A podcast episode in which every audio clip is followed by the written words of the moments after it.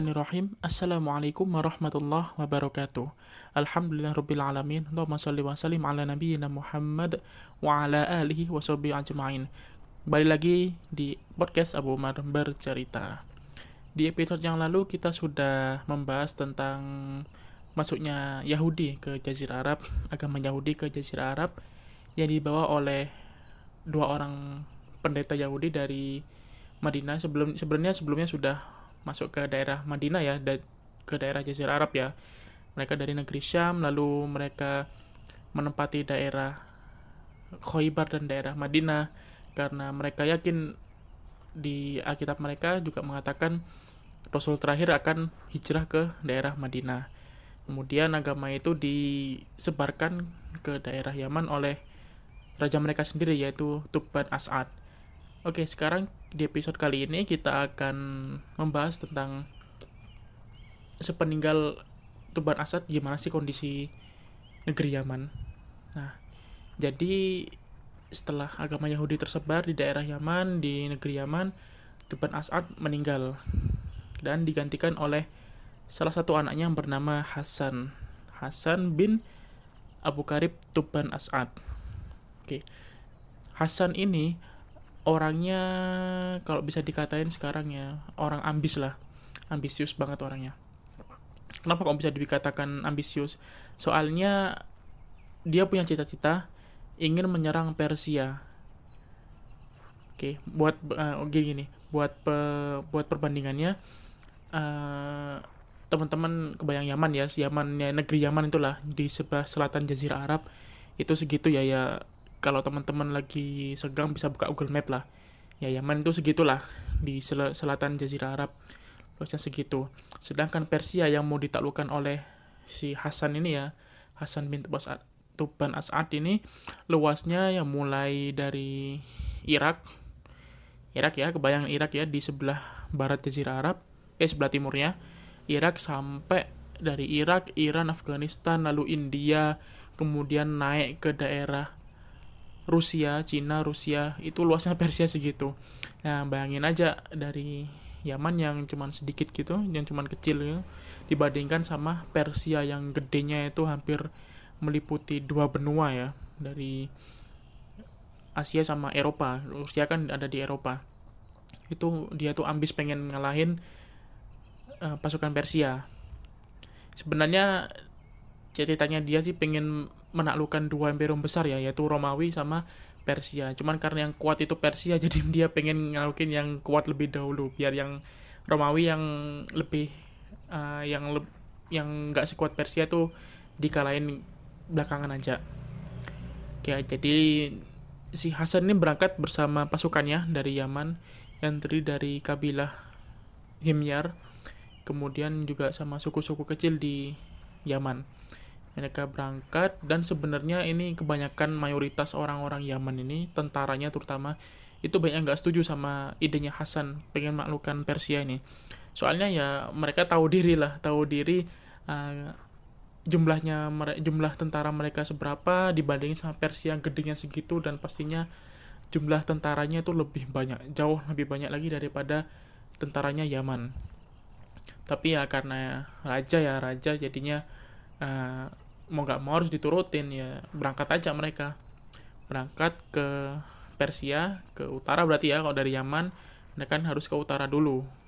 Nyebrang Jazirah Arab kemudian nanti ketemu di daerah Irak. Nah di sepanjang perjalanan ini banyak penasehat kerajaan. Jadi dulu raja ada penasehatnya ada banyak ya. Uh, biasanya sih orang-orang yang sudah pada senior pada senior sudah tua-tua gitu ya itu jadi dijadikan penasehat kerajaan itu banyak menasihati Hasan. Sudahlah kita pulang aja gitu. Kemungkinan kata-katanya ya. Kita pulang aja agak mungkin menang. Kita tahu diri lah sama Persia itu. Persia itu negara maju itu imperium yang besar. Nggak mungkin kita negara kecil Yaman mengalahkan mereka. Tapi Hasan ini ngotot ya ngotot pengen nggak gua mau gua mau berangkat. Aku mau berangkat aja. Nah ketika sampai di wilayah Bahrain atau ada juga yang bilang Irak sih tapi kita ya Bahrain aja lah Bahrain. Kita ambil pendapat yang Bahrain. Itu mereka ngecamp dan mereka itu mulai mogok mogok gak mau berangkat. Mogok nggak mau menerusin perjalanan ke Persia. Dan pada suatu ketika di tengah-tengah mogoknya itu Hasan ini punya adik yang namanya Amru. Punya adik namanya Amru. Nah, Amru ini dibujuk sama para penasihat raja. Coba kamu bilang ke kakakmu ayo kita pulang aja nggak usah nerusin perjalanan. Nah karena si Amru ini adalah adiknya Hasan dan Hasan ini kalau kalau raja dulu ya di perjalanan itu punya camp sendiri dan campnya itu dijaga ketat sama orang-orang kepercayaannya sama pasukannya. Nah tapi si Amru ini karena adiknya Hasan jadi dia bebas keluar masuk camp terserah dia mau mau tanpa pemeriksaan langsung masuk aja ya terserah karena saudara sendiri tapi ketika Hasan di itu dirayu sama Amru oh, udah jangan berangkat lah kita pulang aja kak ini tetap gak mau tetap kekeh pengen nyerang Persia. Ya emang emang batu mungkin ya. Uh, ngotot pengen pengen nyerang Persia. Akhirnya nggak berhasil. Kemudian para penasihat raja itu menawarkan sesuatu yang yang apa ya yang cukup terlarang lah. Uh, mereka bilang gini ke Amru kamu bunuh saudaramu Hasan kalau saudaramu itu mati kami akan mengangkatmu langsung jadi raja nah ternyata si Amru ini uh, agak tamak ya, tamak sama kekuasaan, pengen jadi raja. Kemudian ada satu orang penasihat raja, itu nggak setuju sama saran dari penasihat yang lain. Nama penasihat itu adalah Zuru'ain. Namanya, namanya Zuru'ain. Jadi dia itu nggak setuju sama sarannya penasihat raja yang lain jangan jangan membunuh lah jangan jangan dibunuh karena itu perbuatan yang zolim itu yang itu perbuatan dosa. Tapi Amro bodoh amat. Dia bodoh amat pokoknya uh, pasukan sekarang pulang terus aku jadi raja gitu.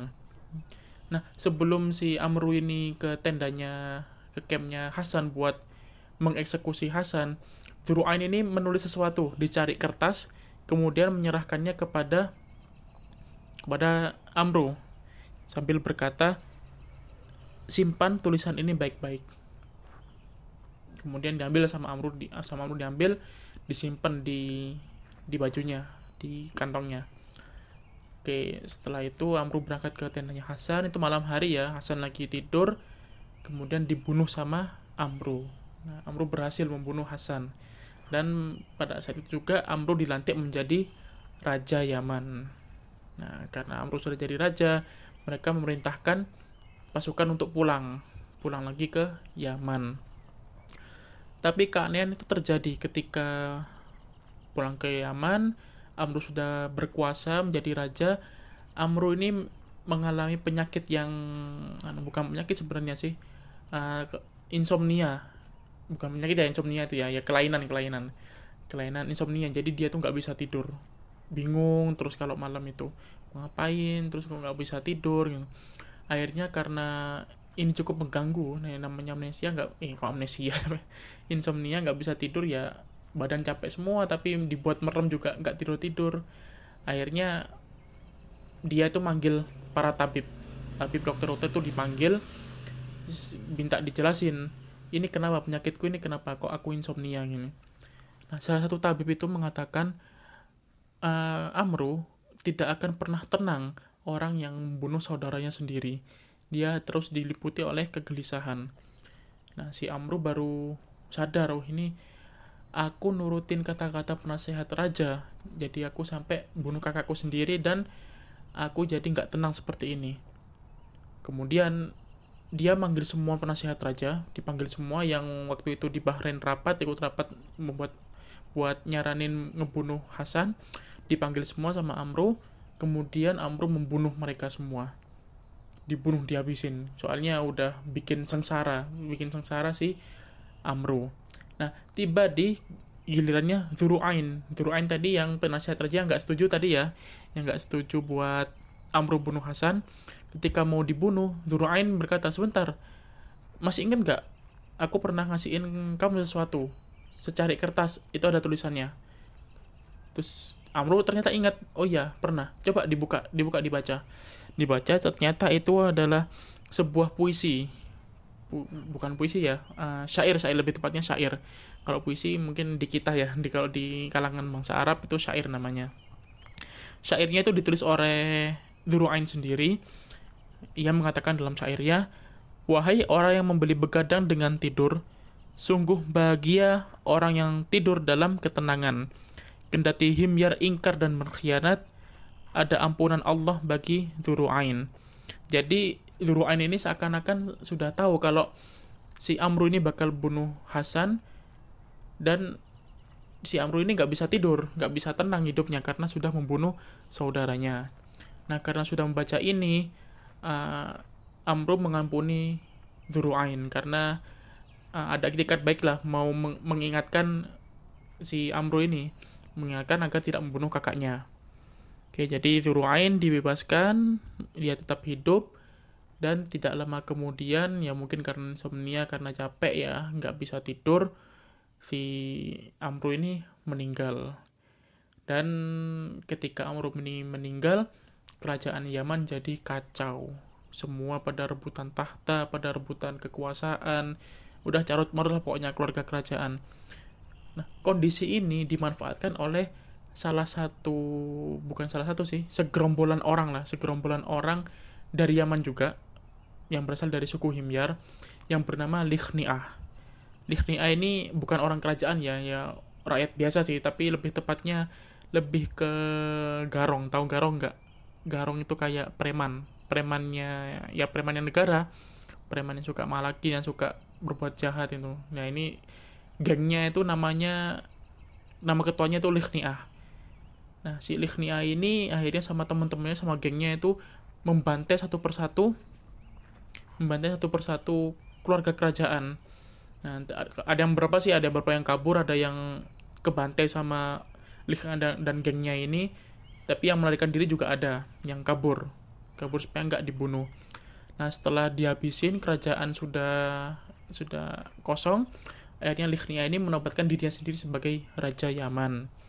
Nah, mulai saat itu, Lichnia menjadi Raja Yaman. Dan para teman-temannya ini, gengnya ini jadikan ya anak buahnya raja jadi apa ya centengnya raja lah nah Likhnia ini orang yang zolim orang yang zolim orang yang suka berbuat kerusakan yang semena-mena sama rakyatnya ya wajar aja kan sebelumnya kan dia kan garong dia kan preman. Jadi ya begitu dikasih kekuasaan ya tambah menjadi jadi suka ya suka ngambilin hartanya orang suka ngerebut istri orang dan lain sebagainya.